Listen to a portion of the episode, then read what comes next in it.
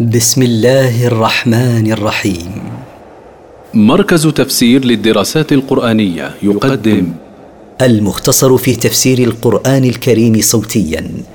برعاية أوقاف نوره الملاحي. سورة الحاقة مكية من مقاصد السورة. إثبات أن وقوع القيامة والجزاء فيها حق لا ريب فيه. التفسير. الحاقة. يذكر الله ساعة البعث التي تحق على الجميع. ما الحاقة؟ ثم يعظم أمرها بهذا السؤال. أي شيء هي الحاقة؟ وما أدراك ما الحاقة؟ وما أعلمك ما هذه الحاقة؟ كذبت ثمود وعاد بالقارعة. كذبت ثمود قوم صالح وعاد قوم هود بالقيامة التي تقرع الناس من شدة أهوالها. فأما ثمود فأهلكوا بالطاغية. فأما ثمود فقد أهلكهم الله بالصيحة التي بلغت الغاية في الشدة والهول. واما عاد فاهلكوا بريح صرصر عاتيه واما عاد فقد اهلكهم الله بريح شديده البرد قاسية بلغت الغاية في القسوة عليهم. سخرها عليهم سبع ليال وثمانيه أيام حسوما فترى القوم فيها صرعا فترى القوم فيها صرعى كأنهم أعجاز نخل خاوية. أرسلها الله عليهم مدة سبع ليال وثمانية أيام تفنيهم عن بكرة أبيهم. فترى القوم في ديارهم هلكا مصروعين في الأرض كأنهم بعد إهلاكهم أصول نخل ساقطة على الأرض بالية. فهل ترى لهم من باقية؟ فهل ترى لهم نفسا باقية بعدما أصابهم من العذاب؟ وجاء فرعون ومن قبله والمؤتفكات بالخاطئة. وجاء فرعون ومن قبله من الأمم والقرى التي عذبت بقلب عاليها سافلها وهم قوم لوط. بالأفعال الخاطئة من الشرك والمعاصي. فعصوا رسول ربهم فأخذهم أخذة رابية. فعصى كل منهم رسوله الذي بعث إليهم وكذبوه فأخذهم الله أخذة زائدة على ما يتم به هلاكهم. إنا لما طغى الماء حملناكم في الجارية.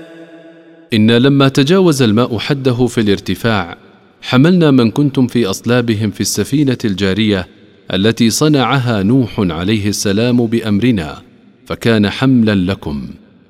لنجعلها لكم تذكرة وتعيها أذن واعية. لنجعل السفينة وقصتها موعظة يستدل بها على إهلاك أهل الكفر وإنجاء أهل الإيمان وتحفظها أذن حافظة لما تسمع. فإذا نفخ في الصور نفخة واحدة. فإذا نفخ الملك الموكل بالنفخ في القرن نفخة واحدة وهي النفخة الثانية. وحملت الأرض والجبال فدكتا دكة واحدة. ورفعت الأرض والجبال فدقتا دقه واحدة شديدة فرقت أجزاء الأرض وأجزاء جبالها. فيومئذ وقعت الواقعة. فيوم يحصل ذلك كله تقع القيامة. وانشقت السماء فهي يومئذ واهية. وتشققت السماء يومئذ لنزول الملائكة منها. فهي في ذلك اليوم ضعيفة بعد أن كانت شديدة متماسكة. والملك على أرجائها ويحمل عرش ربك فوقهم يومئذ ثمانية. والملائكة على أطرافها وحافاتها ويحمل عرش ربك في ذلك اليوم العظيم ثمانية من الملائكة المقربين. يومئذ تعرضون لا تخفى منكم خافية. في ذلك اليوم تعرضون أيها الناس على الله. لا تخفى على الله منكم خافية ايا كانت بل الله عليم بها مطلع عليها. فأما من أوتي كتابه بيمينه فيقول هاؤم اقرءوا كتابيه. فأما من أعطي كتاب أعماله بيمينه فهو يقول من السرور والبهجة خذوا اقرأوا كتاب أعمالي. إني ظننت أني ملاق حسابيه.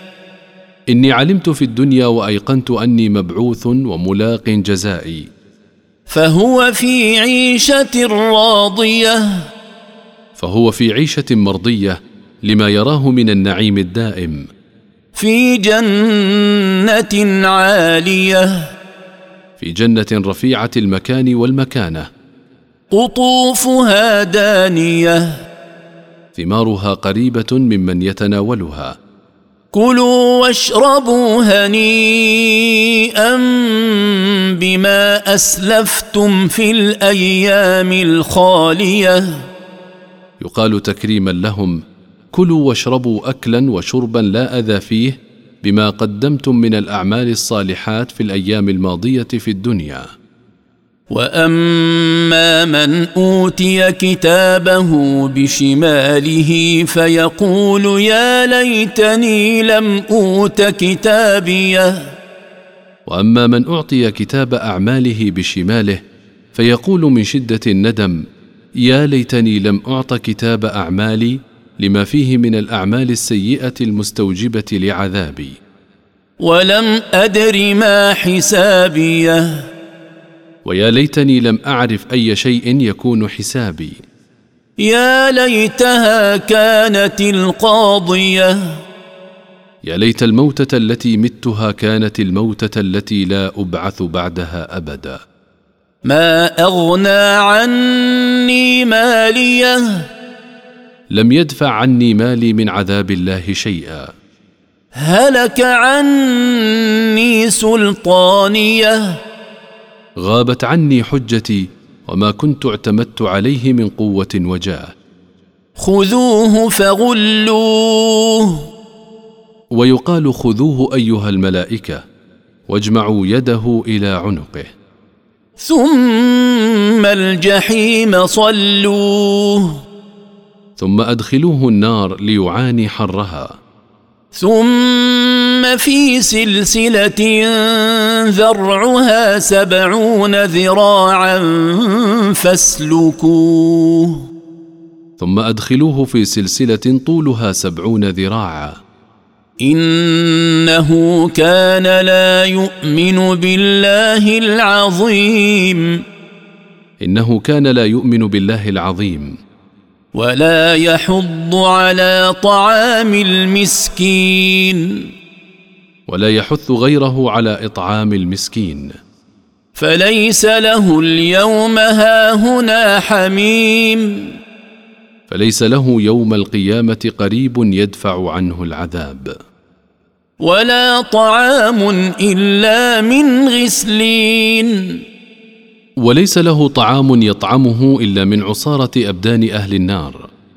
لا يأكله إلا الخاطئون. لا يأكل ذلك الطعام إلا أصحاب الذنوب والمعاصي. فلا أقسم بما تبصرون. أقسم الله بما تشاهدون. وما لا تبصرون. وأقسم بما لا تشاهدون. إنه لقول رسول كريم. إن القرآن لكلام الله يتلوه على الناس رسوله الكريم.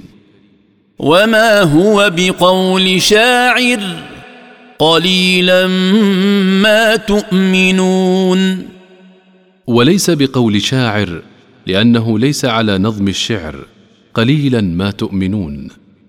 ولا بقول كاهن قليلا ما تذكرون.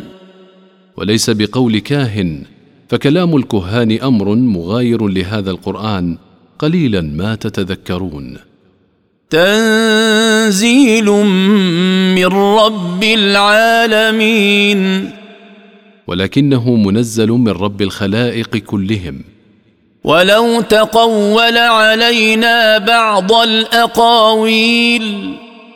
ولو تقول علينا محمد بعض الأقاويل التي لم نقلها لأخذنا منه باليمين.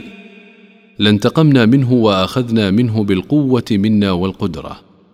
ثم لقطعنا منه الوتين. ثم لقطعنا منه العرق المتصل بالقلب. فما منكم من أحد عنه حاجزين. فليس منكم من يمنعنا منه فبعيد أن يتقول علينا من أجلكم. وإنه لتذكرة للمتقين. وإن القرآن لموعظة للمتقين لربهم بامتثال أوامره واجتناب نواهيه. وإنا لنعلم أن منكم مكذبين. وإنا لنعلم أن من بينكم من يكذب بهذا القرآن. وإنه لحسرة على الكافرين. وإن التكذيب بالقرآن لندامة عظيمة يوم القيامة. وإنه لحق اليقين. وإن القرآن لهو حق اليقين الذي لا مرية ولا ريب أنه من عند الله. فسبح باسم ربك العظيم. فنزه أيها الرسول ربك عما لا يليق به واذكر اسم ربك العظيم.